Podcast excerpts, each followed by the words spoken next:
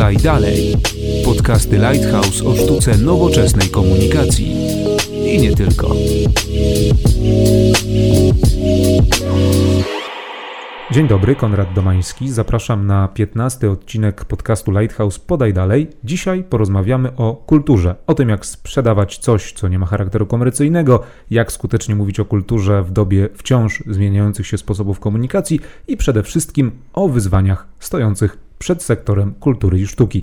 Opowiedzą Wam o tym nasi dzisiejsi goście Magdalena Ulejczyk z Mazowieckiego Instytutu Kultury w Warszawie. Dzień dobry Państwu. Oraz Michał Misztal z Lighthouse, który intensywnie wspiera lokalne instytucje kultury. Dzień dobry, witam.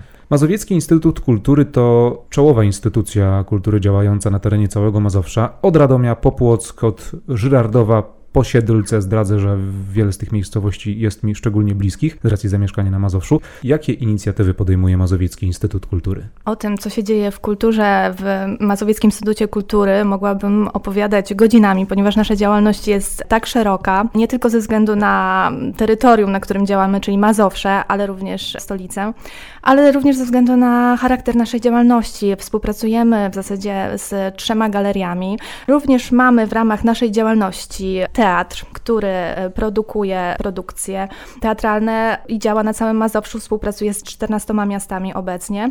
Ostatnia nasza produkcja to Niebezpieczna Gra, wyprodukowana z Teatrem Muzycznym w Toruniu z Marią Seweryn i Mirosławem e, Zbrojewiczem, na którą bardzo serdecznie zapraszamy na Elektoralną 12. Wśród naszej działalności to również edukacja kulturalna i badania, które prowadzimy na całym Mazowszu. Również muzyka od jazzu, który mm, pokazujemy w ramach projektu projektu Swing Club, po muzykę kameralną i tak naprawdę mogłabym opowiadać też o literaturze. Niedługo otwieramy w naszych progach czytelnię, w której e, nie tylko znajdą się zbiory dotyczące kultury, historii sztuki, filmu, muzyki e, z całego Mazowsza, jak i różne pozycje naukowe, ale otwieramy też e, miejsce, w którym będzie można słuchać płyt winylowych, będziemy mieli sprzęty, będzie można przyjść ze swoimi płytami, wyczyścić swoje stare płyty, odsłuchać stare nagrania, a w czasie nocy muzeów szykujemy też dla pasjonatów winyli niespodziankę, więc zapraszamy do Mazowieckiego Instytutu Kultury. A skąd dowiedzieć się, co się dzieje w kulturze? Komunikujemy oczywiście na naszej stronie internetowej mik.waw.pl. Mamy profil na Facebooku. Różne nasze projekty mają również swoje profile na Facebooku, które są popodłączane pod konkretne projekty. Mamy oczywiście konto na Instagramie, kontaktujemy się na stałe z naszymi partnerami medialnymi. Często współpracujemy z Radiem RDC, na przykład ostatnio z Tygodnikiem Powszechnym. Pilnujemy też tego, co się dzieje na Mazowszu, polecają nam nasi partnerzy z Mazowsza lokalną prasę, w której też e, staramy się być e, na bieżąco, trzymać rękę na pulsie, żeby dotrzeć do jak największej liczby odbiorców. No i cały czas się rozwijamy, obserwujemy nowe media. Pewnie to nie ostatnie nasze słowo, jeśli chodzi o komunikację. Michał, z Twojej perspektywy, jako osoby, która się angażuje w te lokalne mm -hmm. przedsięwzięcia mm -hmm. kulturalne, ta promocja wygląda podobnie? Też Facebook, gazety, radia? Dokładnie, dokładnie. To znaczy z pewnością jest tak, jak tutaj Magda zwróciła uwagę, że kluczowe jest wykorzystywanie tych narzędzi komunikacji, którymi komunikują się na co dzień nasi odbiorcy, czy użytkownicy, czy właśnie ci klienci tych e, wydarzeń i inicjatyw kulturalnych, czyli oczywiście ta rzeczywistość nowych mediów, czyli media społecznościowe i też obserwowanie trendów, bo o kulturze można mówić w różny sposób, na różnych poziomach i docierać troszkę do, do tych różnych grup docelowych. Wiadomo, że inny odbiorca to odbiorca wydarzeń teatralnych, inny odbiorca jest y, odbiorcą wydarzeń w obszarze muzyki i wiadomo, że tutaj chociażby też konstrukcja komunikatu, już nie mówię o, tylko i wyłącznie o narzędziach, y, jest kluczowa. Czy też jak tutaj Magda zwróciła uwagę, że na poziomie lokalnym ważne jest takie zbadanie czy odkrycie tych kanałów komunikacji w przypadku właśnie jakichś tradycyjnych mediów, mediów lokalnych, portali lokalnych, czy chociażby ich aktywności w mediach społecznościowych, żeby tam się skutecznie komunikować i docierać właśnie do tych mieszkańców Radomia, do mieszkańców Płocka, bo często jest tak, że jeżeli ta komunikacja wychodzi z Warszawy, to być może do nich nie dotrze no, z, wiadomych, z wiadomych względów.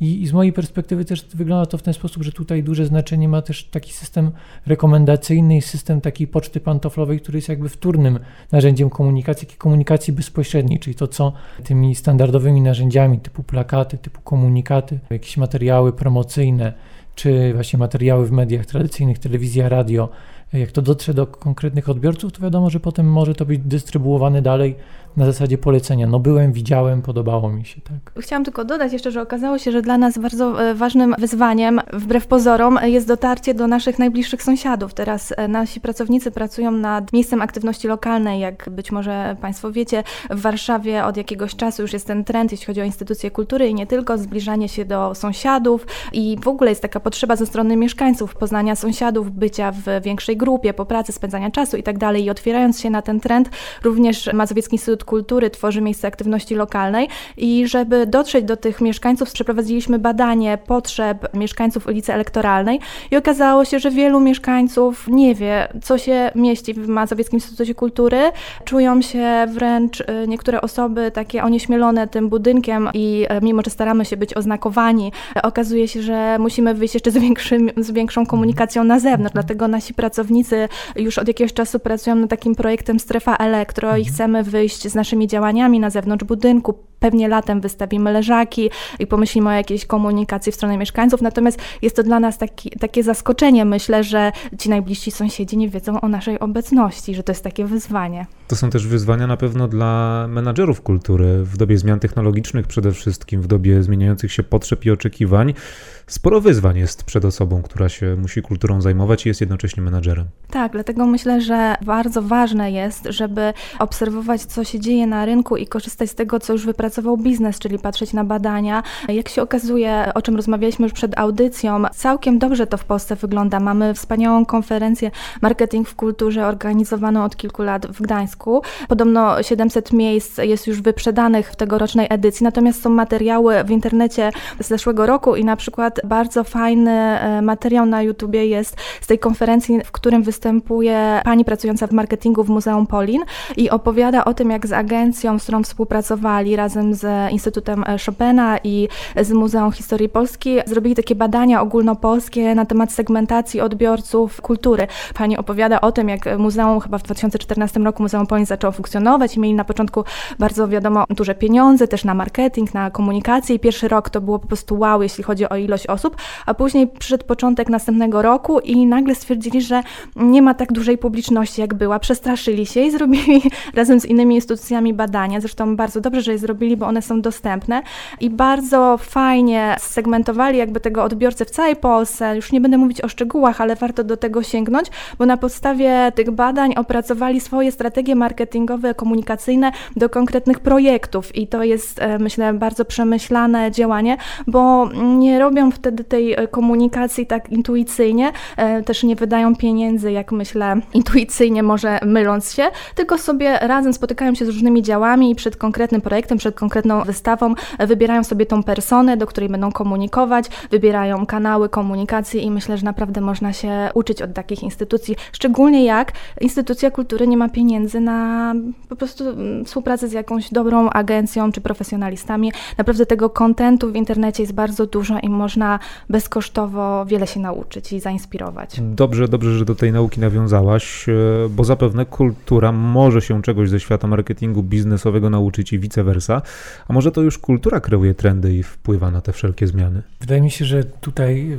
y, oczywiście w pewnym, w pewnym wymiarze mm, od biznesu czerpie, bo w przypadku kultury no mówimy o takim marketingu czy komunikacji, takiego rynku niekomercyjnego w jakimś sensie, tak, no bo kultura z założenia oczywiście, że przynosi jakieś przychody, ale zysku generować nie musi.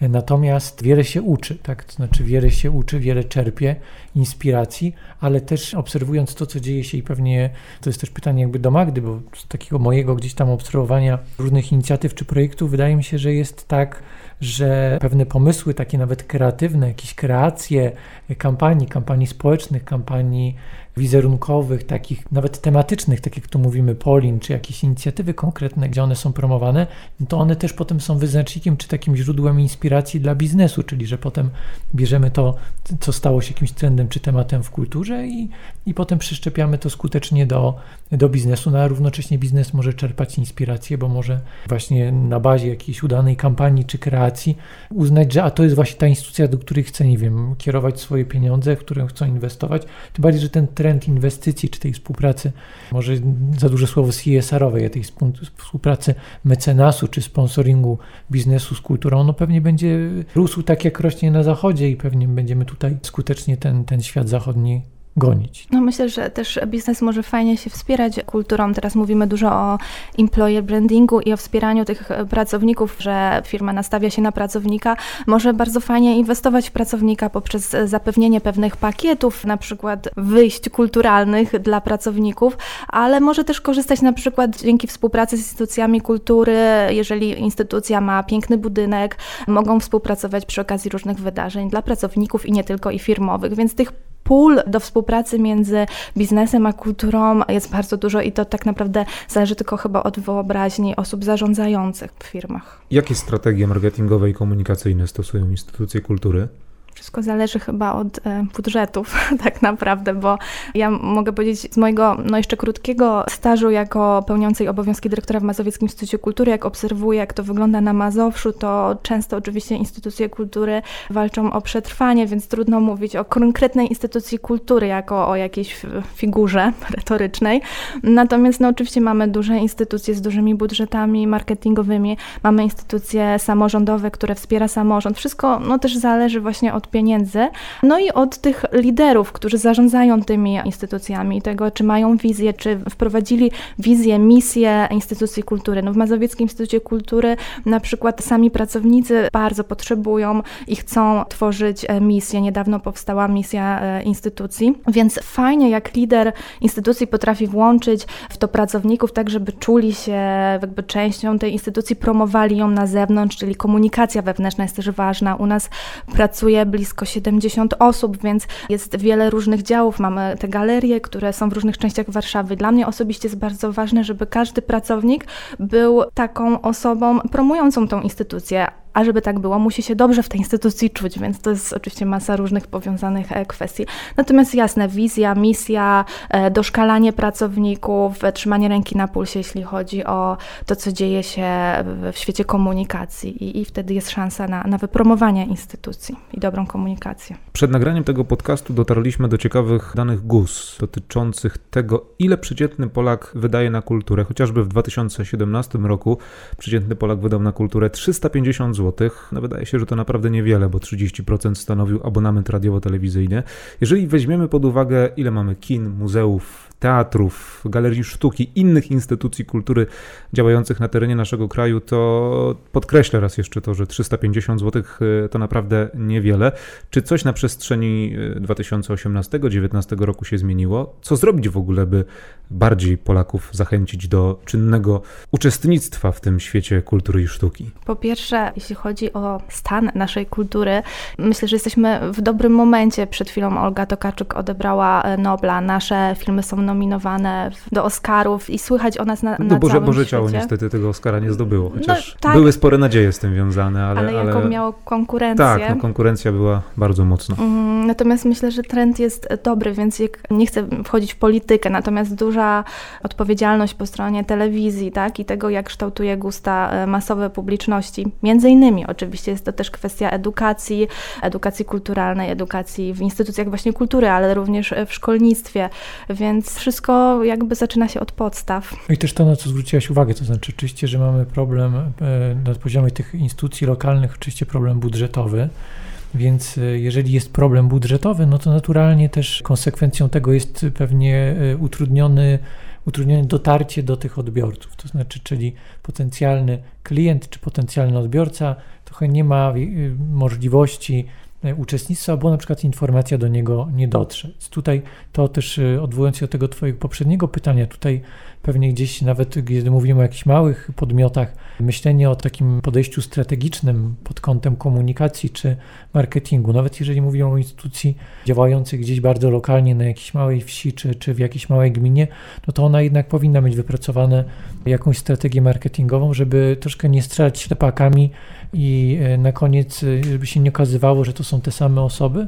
I właśnie, że te kwoty, które na koniec ci nasi obywatele wydają rocznie są tak niskie, bo to nie jest tak, że jakby oczywiście zamożność to jedno Polaków, natomiast y, mówmy się, że 350 zł to jest 30 zł w skali miesiąca, tak, no to są kwoty, y, można by było powiedzieć, że symboliczne. Natomiast mówimy w ogóle o uczestnictwie w kulturze, czyli w różnego rodzaju y, inicjatywach, to, to potem kolejną konsekwencją jest poziom czytelnictwa i tak dalej, więc wydaje mi się, że tutaj duża odpowiedzialność, oczywiście, że na, na władzach takich samorządowych czy wyżej centralnych, oczywiście też na tych, którzy trendy kreują. Tutaj nie tylko właśnie, oczywiście, że są tradycyjne media, no ale dalej mamy tych, którzy kreują y, trendy, czyli tych naszych, jak to się ładnie mówi, influencerów, którzy jakieś tam trendy w odbiorze czy w aktywnościach kulturalnych kreują, zniechęcają też pewnie do, albo zachęcają, to zależy pewnie od, od podejścia do takich czy innych form aktywności kulturalnej.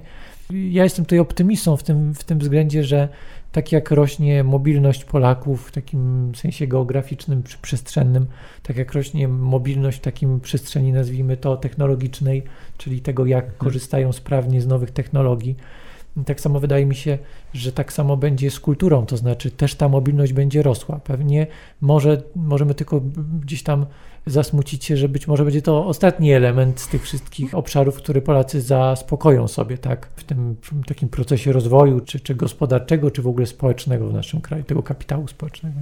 No ja jeszcze, mm, przepraszam, powiem może tylko z perspektywy Warszawy, ale też e, ważne jest to, żeby podkreślić, jak bogata jest oferta darmowa, e, jeśli chodzi o działania kulturalne, na przykład w Warszawie i wspaniale poruszają się po tej ofercie seniorzy, którzy potrafią tak sobie zaplanować czas czasami, że korzystają z darmowej oferty kulturalnej w zasadzie przez cały tydzień i niekoniecznie się to przekłada na te wydane złotówki. No wiadomo, mamy darmowe czwartki w muzeach, możemy korzystać z biblioteki w zasadzie za za darmo, czytać najnowsze książki itd., tak itd. Tak Natomiast e, tutaj też dochodzimy do takiego elementu, którym często rozmawiam też z artystami, z NGO-sami, czy kultura powinna być darmowa i to jest myślę, że też temat rzeka, na ile szanujemy coś, co jest darmowe.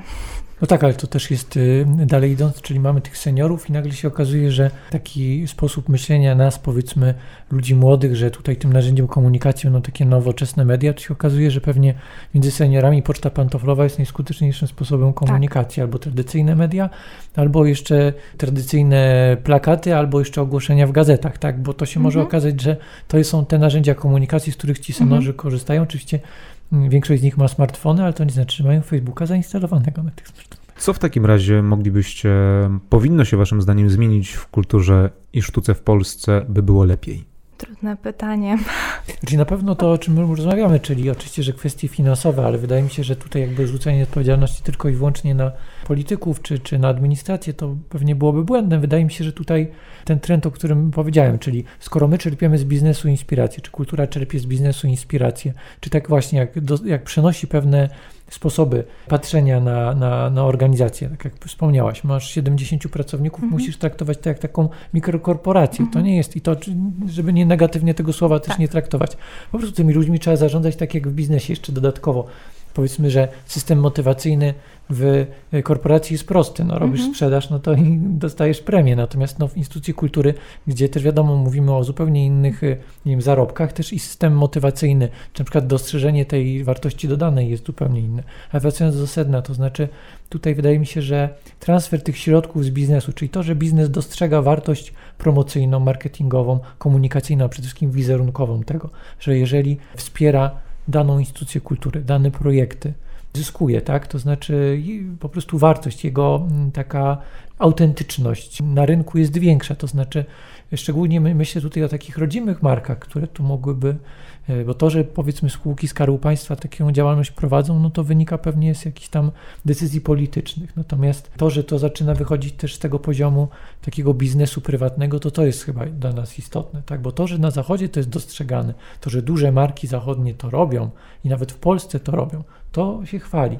Natomiast dobrze, żeby też na tym poziomie mikro, bo dlaczego dajmy na to przedsiębiorca właśnie, nie wiem, z jakiegoś tam Kolna, Kutna czy innego Przesnysza, nie mógłby wyłożyć 1000 czy 2000 zł na koncert gdzieś tam właśnie w lokalnym domu kultury i zyskać przez to wizerunkowo właśnie w tej małej społeczności, jak to wie, czy też w jakiejś tam skali dajmy regionalnej, globalnej. Michał poruszył dwie ważne e, kwestie. Znaczy powiedziałam, że jest to trudne pytanie, dlatego że e, jest tak wiele aspektów, które należałoby zmienić. Dla mnie osobiście zarobki w instytucjach kultury są e, najważniejszym aspektem, ponieważ tak jak mieliśmy strajk nauczycieli, niedługo po strajku nauczycieli był też strajk pracowników instytucji kultury, który nie odbił się jednak tak szerokim echem, no bo wiadomo, że jakby ta grupa osób jest mniej liczna. Natomiast rzeczywiście te pieniądze, szczególnie w bibliotekach i muzeach, zarobki są naprawdę bardzo niskie, a przecież są to ludzie, podobnie jak nauczyciele, którzy powinni mieć pieniądze właśnie na rozwój, na samorozwój, powinni mieć pieniądze, żeby iść do teatru, powinni mieć pieniądze, żeby e, wyjechać za granicę, chociażby, żeby zainspirować się w swoich działaniach i tak dalej, i tak dalej. Zresztą bardzo często to są też bardzo wrażliwi ludzie, gdzieś tam czasami też zarazem artyści, bo w instytucjach kultury bardzo często pracują artyści, więc to jest bardzo e, specyficzna i delikatna grupa zawodowa, którą trzeba bardzo dbać. I ja sama jako pełniąca obowiązki dyrektora staram się, mam nadzieję, że w jakiś sposób mi to wychodzi, stwarzać jak najlepsze warunki, przynajmniej psychiczne pracownikom do pracy, żeby mogli się sami realizować. To jest ważne. Trochę dochodzimy też do takiej kwestii wolności artystycznej. O to się trochę boję w naszym kraju. Mieliśmy słynny protest pod e, Muzeum Narodowym, gdzie prace e, niektórych artystek zostały zdjęte i na to bardzo szybko i dosyć emocjonalnie zareagowała publiczność. Michał wspomniał właśnie o tych relacjach biznesu i kultury. My, jako Mazowiecki Instytut Kultury, mamy mm, też bardzo taki prężny dział edukacji kulturalnej, który od wielu lat wydaje różne publikacje i opracowywuje e, badania. I właśnie w tym roku pracowaliśmy nad takim badaniem diagnoza relacji środowiska biznesu i środowiska kultury, perspektywa dużych firm działających w województwie mazowieckim, czyli robiliśmy badania wykluczające mhm. Warszawę z oczywistych e, względów. I tu jest trochę ten wątek, który poruszył Michał, czyli zaangażowania e, środowiska biznesowego w działalność kulturalną. Mamy pytania i odpowiedzi, dlaczego biznes bardziej angażuje się w działania sportowe i charytatywne, dlaczego kultura jest gdzieś tam dopiero na kolejnym miejscu. Ta diagnoza jest dostępna u nas na stronie internetowej mazowieckieobserwatorium.pl i myślę, że wszystkie instytucje kultury, mniejsze i większe, które chcą gdzieś e, zacząć współpracować z biznesem, warto, żeby sobie przeczytać przeczytały ten raport, bo mamy tam też opisanych kilka pułapek, dlaczego biznes e, na przykład współpracuje tylko raz z jakąś instytucją, dlaczego boi się wejść albo jest niechętny we współpracy z instytucją kultury i e, również jest perspektywa właśnie tych pracowników anonimowa, wypowiedzi pracowników dużych przedsiębiorstw, dlaczego boją się współpracy z kulturą. To jest bardzo ciekawy raport. Pytanie, które teraz zadam, nasunęło mi się w świetle ostatnich wydarzeń w Sejmie i przyznania sporej e, dotacji, można by rzec, dla telewizji publicznej. Czy waszym zdaniem to jest jakaś szansa też dla kultury? Te pieniądze, Te pieniądze dla telewizji publicznej. Dokładnie. Byłoby dobrze być optymistą w tym względzie, natomiast dotychczasowe doświadczenia pokazują, że pesymistyczna ocena tego głosowania i tych środków znaczy tu plusem rzeczywiście powiedzmy tej decyzji będzie to, że o czym może medialnie mocno nie wybrzmiało, że no część tych pieniędzy trafi do polskiego radia, no więc trzeba trzymać kciuki, żeby była to ta większa część pieniędzy i na przykład, nie wiem, dla Polskiego Radia Dwójki, dla Radiowego Centrum Kultury Ludowej i tak dalej, i tak dalej, czy dla Trójki Radiowej, no miejmy nadzieję, że te pieniążki trafią, albo do TVP Kultura na przykład. No właśnie, TVP Kultura na szczęście trzyma się całkiem nieźle, współpracujemy też z TVP Kultura więc trzymamy kciuki, żeby jak najwięcej z tych pieniędzy poszło na działania kulturalne. Część potrzeb kulturalnych jest w tej chwili od dłuższego czasu jest e, zaspokajana przez telewizję. Tego się nie da ukryć, mhm. bo cały czas te statystyki oglądalności telewizji e, przez Polaków są bardzo duże. Mówi się o śmierci telewizji, ale to zanim to nastąpi, to naprawdę jeszcze sporo czasu z pewnością minie, a z drugiej strony też to się przenosi do, do internetu. To zwłaszcza dotyczy oglądania filmów, kabaretów, występów satyrycznych. Czy waszym zdaniem taka forma odbioru kultury jest dobra czy zła? Ja na przykład teraz właśnie jak sobie analizowałam te badania, e, które zlecił Polin wyodrębniono tam taką grupę właśnie odbiorców, nazywa się Uciekający Młodzi. I to, to jest właśnie grupa najmłodszych odbiorców, pewnie to pokolenie Z, które e, tak naprawdę korzysta z e, kultury głównie w internecie poprzez gry, seriale, właśnie Netflix, różne platformy. I szczerze mówiąc, dla instytucji kultury, no to jest rzeczywiście bardzo trudny odbiorca do pozyskania, być może wręcz e, niemożliwe na tym etapie, ale też trudno mi powiedzieć, czy to jest tak do końca złe, bo ten kontent e, kulturowy, jeżeli dobrze przeprowadzimy to sito w internecie, też potrafi być bardzo jakościowy, więc to chyba wszystko zależy od tego, co ten młody zazwyczaj odbiorca wyniósł z domu, jakie ma kompetencje kulturowe w rodzinie i jak, z czego skorzysta w tym internecie po prostu. No oczywiście pewnie też wszystko zależy od tego, o jakim rodzaju tej rozrywki czy kultury mówimy, bo jeżeli będzie tego przesyt tego materiału kabaretowego, czy... I chyba na więcej tego kabaretu tak jest, jeżeli chodzi no, o kulturę A z drugiej strony mamy przecież takie dobre przykłady, szkoda, że tak rzadko, jak słynny noworoczny koncert tak, muzyki klasycznej i to też jest coś, czego pewnie chcielibyśmy e, w telewizji więcej, czy to, co kiedyś było w telewizji normą, czyli teatr telewizji, który był mocniej obecny w, w tutaj, w, mówię o telewizji publicznej, Pytanie dlaczego i pytanie, czy jest to w ogóle możliwe, żeby też te kanały komercyjne zwiększyły tutaj taką przestrzeń aktywności i pokazywały właśnie tą różnorodność wydarzeń kulturalnych, czy tam koncerty muzyczne, to wszystko się dzieje, tak? Tylko no, zawsze liczą się, prawda, słupki, reklamy i tak dalej, oglądalność. Roztańczony narodowy to jest zupełnie inny rodzaj rozrywki, nazwijmy to muzycznej, niż transmisja właśnie koncertu noworocznego muzyki klasycznej, czy jakiegokolwiek innego koncertu. A przecież swojego czasu też pewnie pamiętamy, że w telewizji publicznej były i programy o muzyce ludowej, i, i zespoły piśni i tańca Mazowsze, Śląsk. To wszystko było obecne na antenach telewizji publicznej.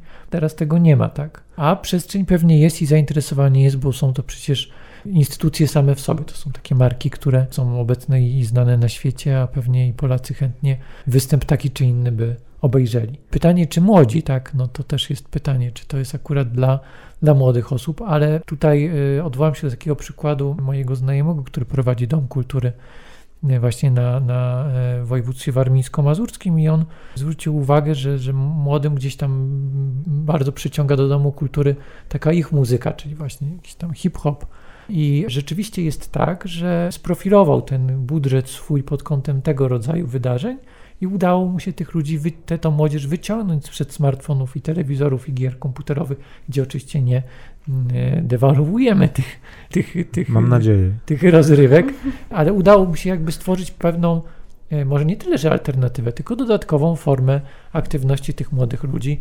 E, więcej ostatnio nagrywał z nimi film, co też było dla nich jakąś taką wartością profesjonalna ekipa filmowa, sami tworzą scenariusz, sami uczestniczą jako aktorzy i nagle się okazuje, że no fajnie, no bo tak, oglądamy youtuberów, którzy nagrywają filmy, oglądamy influencerów, którzy nagrywają filmy, ale co sami nie umiemy, nikt nas nie nauczył, albo no nie mamy wiedzy, nie mamy takiej motywacji, a tutaj Dom Kultury wychodzi z inicjatywą, daje im narzędzia, uczy jak to robić, tak? I nagle się okazuje, że też mogę być takim youtuberem. A w kontekście technologii, czy Mazowiecki Instytut Kultury jakoś idzie mocniej w tę stronę?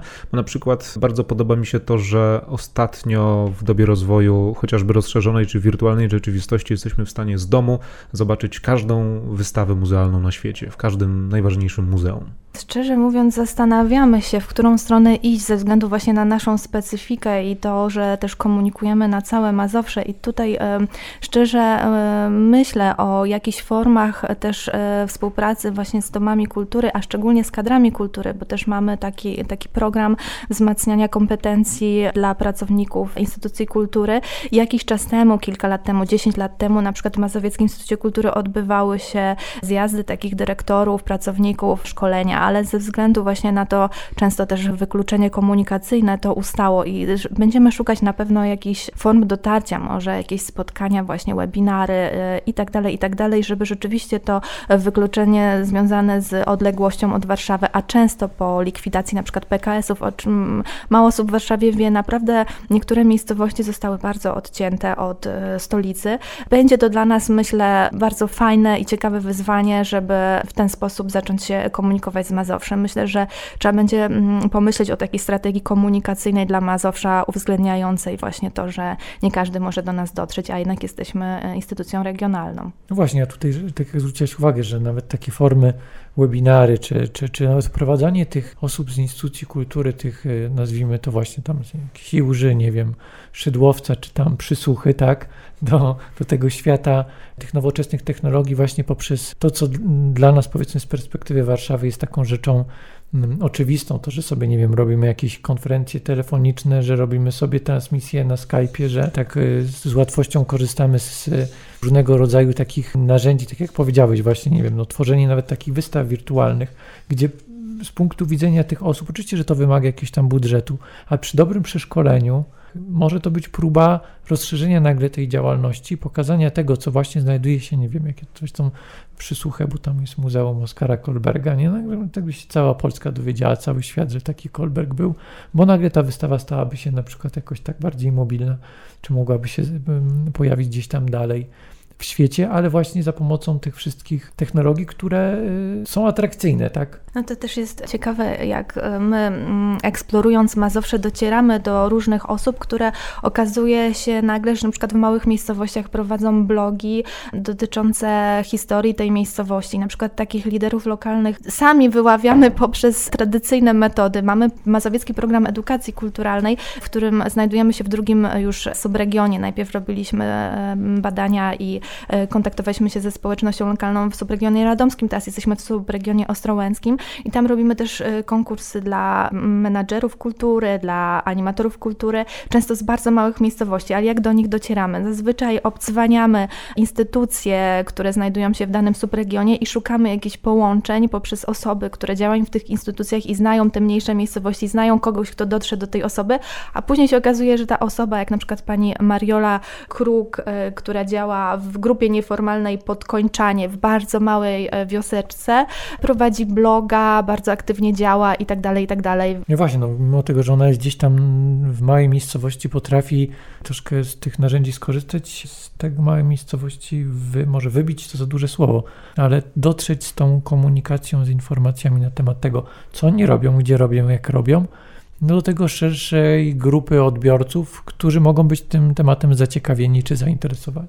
Natomiast to młodsze pokolenie też, y, tutaj wspominałeś wcześniej o tej modzie kiedyś na ludowość, to troszkę zaczyna wracać, bo też obserwujemy przy okazji naszych badań, że wracają koła gospodyń wiejskich i też będziemy mieli taki projekt y, badawczy razem z Instytutem Kultury Polskiej w tym roku. Y, będziemy obserwować, jaką rolę kulturotwórczą zaczynają z powrotem te koła pełnić i to zazwyczaj młode osoby przejmują od tych starszych te tradycje i chcą to robić. I takich miejscowości, stowarzyszeń, które tworzą młode osoby, jest coraz więcej na Mazowszu. One oczywiście się już komunikują poprzez nowoczesne e, środki komunikacji, poprzez Facebooka i łatwiej im e, zebrać większą grupę osób. Wróćmy jeszcze na moment do kwestii promocji. Czy komunikacja w kulturze i skuteczność działań marketingowych jest w ogóle mierzalna? No możemy to mierzyć, tak, no możemy to mierzyć. Jeżeli mówimy tutaj o tej rzeczywistości internetu, no to pewnie ten problemu mierzania nie ma, tak?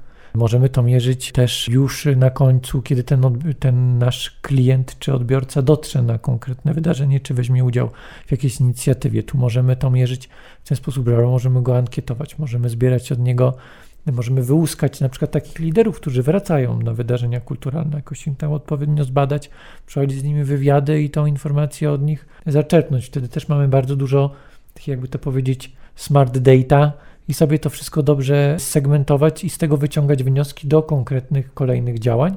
No i oczywiście tradycyjne media, no bo ja zawsze to sprowadzam do takiego poziomu radia lokalnego, czyli takich doświadczeń, które gdzieś tam na, na swoim poziomie są mi znane. To znaczy wygląda to w ten sposób, że jest radio lokalne w danej miejscowości. Wydaje się, że radio no, no nie jest może wysokich lotów, ale to nie ma znaczenia. To znaczy z punktu widzenia kogo jest niewysokich lotów, skoro jest słuchane u fryzjera, w aptece, u lekarza, jest skutecznym narzędziem komunikacji. Jeżeli wiemy mniej więcej jaka jest jego słuchalność i mniej więcej wiemy do jakiej grupy docelowej, no to też jesteśmy w stanie zmierzyć, czy ten komunikat do tej grupy akurat dociera. O gazetach można powiedzieć to samo, bo to, że z perspektywy tych gazet ogólnopolskich możemy powiedzieć, że ich czytelnictwo będzie spadać albo spada i tak dalej, czy tygodników, natomiast y, jeżeli chodzi o media lokalne, no nadal jest to dzisiaj podstawowe źródło informacji, szczególnie jeżeli mówimy o małych miejscowościach, tak? Dzisiaj idzie po tą gazetę na początku tygodnia i się czyta od deski do deski. Chciałabym tylko tutaj dodać, że e, z mojej perspektywy ilość nie zawsze znaczy jakość. To znaczy, bardzo cieszy mnie pełna sala i kiedy widzę, że rzeczywiście wszystkie bilety na nasz spektakl są sprzedane, co często ma miejsce. Natomiast e, często wchodzimy też z bardzo ambitnymi projektami, takie jak ostatni nasz projekt Nowe Formy Teatru, w którym rzeczywiście ten przekaz czasami jest bardzo e, trudny. W ostatnią sobotę spotkaliśmy się na przykład z Janną Koskrause i z Waldemarem Czechowiczem, który prezentował swój film o tragedii w Japonii, kiedy wielka powódź zniszczyła wielkie miasta, jak Państwo pamiętacie. I to był bardzo trudny temat, jak na sobotni wieczór. Nie mieliśmy może pełnej widowni, natomiast mieliśmy bardzo zaangażowaną publiczność i ta dyskusja o tym, w jakim miejscu stoimy w świecie i z jakimi będziemy się musieli borykać w przyszłości problemami, była bardzo emocjonująca, więc nie zawsze też ta mierzalna ilość osób i widzów powinna determinować moim zdaniem e, działania instytucji kultury. Nie zawsze ta pełna sala musi oznaczać sukces, czasami mniej osób też. Posiadasz wieloletnie doświadczenie w obszarze kultury. Z pewnością z wieloma znanymi lub mniej znanymi artystami miałaś okazję współpracować z organizacjami, z organizacjami samorządowymi, administracją rządową i samorządową. Z jakiego projektu jesteś szczególnie dumna? Nie tylko pod kątem wydarzenia, ale też pod kątem promocji pod kątem komunikacji? Przez kilka lat byłam naczelnikiem Wydziału Kultury i Promocji w dzielnicy Bielany i to jest bardzo duża dzielnica w Warszawie, która ma tak naprawdę jeden dom kultury, nie ma kina i robiąc tą kulturę na Bielanach borykaliśmy się z dużymi wyzwaniami. Miałam duże szczęście e, do szefów. Ostatnią moją szefową była Magda Leczek, która odpowiadała za kulturę na, na Bielanach i razem z nią i z całym naszym wydziałem zaczęliśmy pracować nad strategią rozwoju kultury dla dzielnicy, żeby nie poruszać poruszać się po omacku. Oczywiście Warszawa ma swoją strategię rozwoju kultury dla całego miasta. Uwzględnia ona niejako dzielnicę, natomiast wiadomo, każda dzielnica jest inna i, i boryka się z różnymi innymi wyzwaniami. My skupiliśmy się na Bielanach, angażując bardzo różne środowiska, NGOs, seniorów, ale też artystów, którzy mieszkają e, w dzielnicy Bielany. Zaprosiliśmy do współpracy na przykład e, Szymona Majewskiego, który bardzo się zaangażował w nasze działania, ale też Sławomira i Dziaka, rozmawialiśmy też e, z różnymi filmowcami, animatorami kultury, reżyserami teatralnymi, którzy mieszkają e, na, na Bielanach. I z różnych perspektyw tworzyliśmy wizję rozwoju e, tej kultury. A takim zwieńczeniem dla nas była pierwsza gala kultury na Bielanach, w której chcieliśmy uhonorować też środowisko, które tworzy kulturę na Bielanach, czyli pracowników bibliotek, pracowników Domu Kultury, właśnie te NGOsy, które często prawie za darmo tworzą tą ofertę dla dzieci, dla seniorów. Tutaj na przykład Józef Wilkoń, też związany z, z Bielanami, e, zaprojektował statuetkę. Staraliśmy się docenić też to, o czym mówiliśmy dzisiaj, mecenasów, którzy wspierają działania kulturalne. I to jest też ważne i dla instytucji kultury.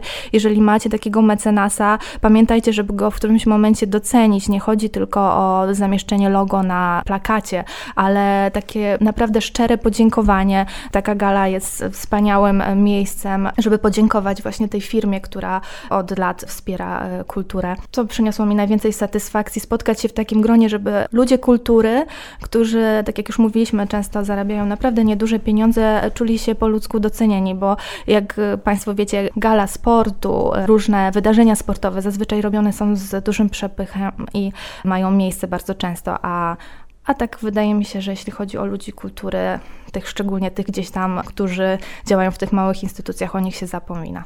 Może chcesz coś dodać w kwestii tych zapomnianych małych instytucji kultury? Jeśli chodzi o zapomniane instytucje kultury, małe, zapomniane, myślę, że one z tego zapomnienia pewnie będą wychodziły, ale to też jest kwestia mm, takiego, to na co Magda zwróciła uwagę, dostrzeżenia. Po pierwsze przez jakich decydentów, po drugie przez ten świat biznesu, który w jakimś sensie mógłby tam te instytucje mm, dofinansować. Po trzecie, oczywiście przez społeczność lokalną, bo to też jest ważne, że jeżeli ta społeczność lokalna uczestniczy, czy bierze udział, czy dostrzega tych społeczników, ludzi kultury. Kolejna sprawa to, to pewnie taki element włączający, to znaczy często jest wielu ludzi, którym chce się działać, ale z jakiegoś powodu zawsze ten próg domu jest ciężki do przekroczenia i ten próg w instytucji kultury, do której można było pójść i zacząć działać, też jest trudny do przekroczenia. I tutaj istotna rola właśnie wszelkich inicjatyw, takich też komunikacyjnych, czyli tej takiej komunikacji nawet jeden do jeden, w której osoby z instytucji, jako, tak jak Magda zwróciła uwagę, jako tacy ambasadorzy, wychodzą, czy nawet poza godzinami pracy, będąc dumnymi z tego, gdzie pracują, komunikują się ze znajomymi, z przyjaciółmi, tworzą taką sieć, tak, to ten ładne słowo anglojęzyczne networking, może to jest za duże w tym momencie, ale rzeczywiście to trochę na tym bazuje, bo tylko w ten sposób, tworząc taką sieć i to dotarcie się zwiększa, no ale też i zaangażowanie, bo i jakieś projekty czy inicjatywy są w stanie się rodzić w takim miszmaszu, nazwijmy to. A co w najbliższym czasie planuje Mazowiecki Instytut Kultury? 7 marca startujemy z projektem Polsko-Czeska Wiosna Literatury, czyli hrabal na elektoralnej, bo niewiele osób wie, ale 52 lata temu hrabal właśnie na elektoralnej spotkał się ze swoimi czytelnikami w naszym budynku, więc e, kontynuujemy tradycję, wspominamy tego wspaniałego pisarza i 7 marca właśnie o 19 zapraszamy na wieczór literacko-filmowy z udziałem aktora Wojciecha Przoniaka i pisarza Janusza Adermana. Będziemy też mogli obejrzeć nagrodzony Złotym Niedźwiedziem w Berlinie w 90 roku film według opowiadań Hrabala z książki Sprzedam w dom, w którym już nie chcę mieszkać.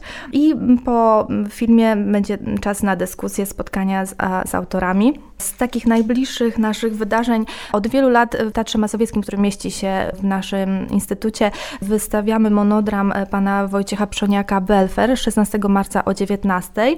Zapraszamy serdecznie oraz na naszą najnowszą produkcję, która powstała z Teatrem Muzycznym w Toruniu, Niebezpieczna gra z Marią Seweryn i Mirosławem Zbrojewiczem już 22 marca o 19. Bardzo też jestem ciekawa spektaklu, który będzie miał premierę u nas 28 marca.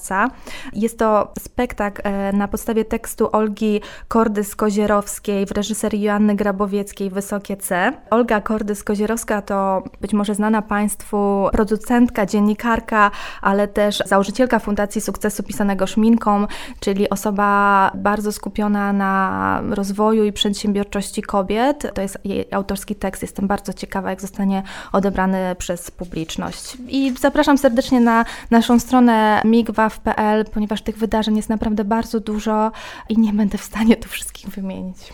Za nami 15 odcinek podcastu Lighthouse Podaj Dalej, w którym mieliśmy okazję porozmawiać o kulturze, lecz w kontekście komunikacji i wyzwań, jakie stoją przed kulturą i sztuką w świecie zmieniających się potrzeb, sposobów komunikacji. Gośćmi podcastu byli Magdalena Ulejczyk z Mazowieckiego Instytutu Kultury w Warszawie. Dziękuję bardzo. Oraz Michał Misztal z Lighthouse. Dzięki. Konrad Domański, dzięki, że byliście z nami i do usłyszenia w kolejnych odcinkach podcastu Podaj Dalej. Spodobał Ci się nasz podcast? Podaj dalej i śledź naszą stronę oraz kanały społecznościowe.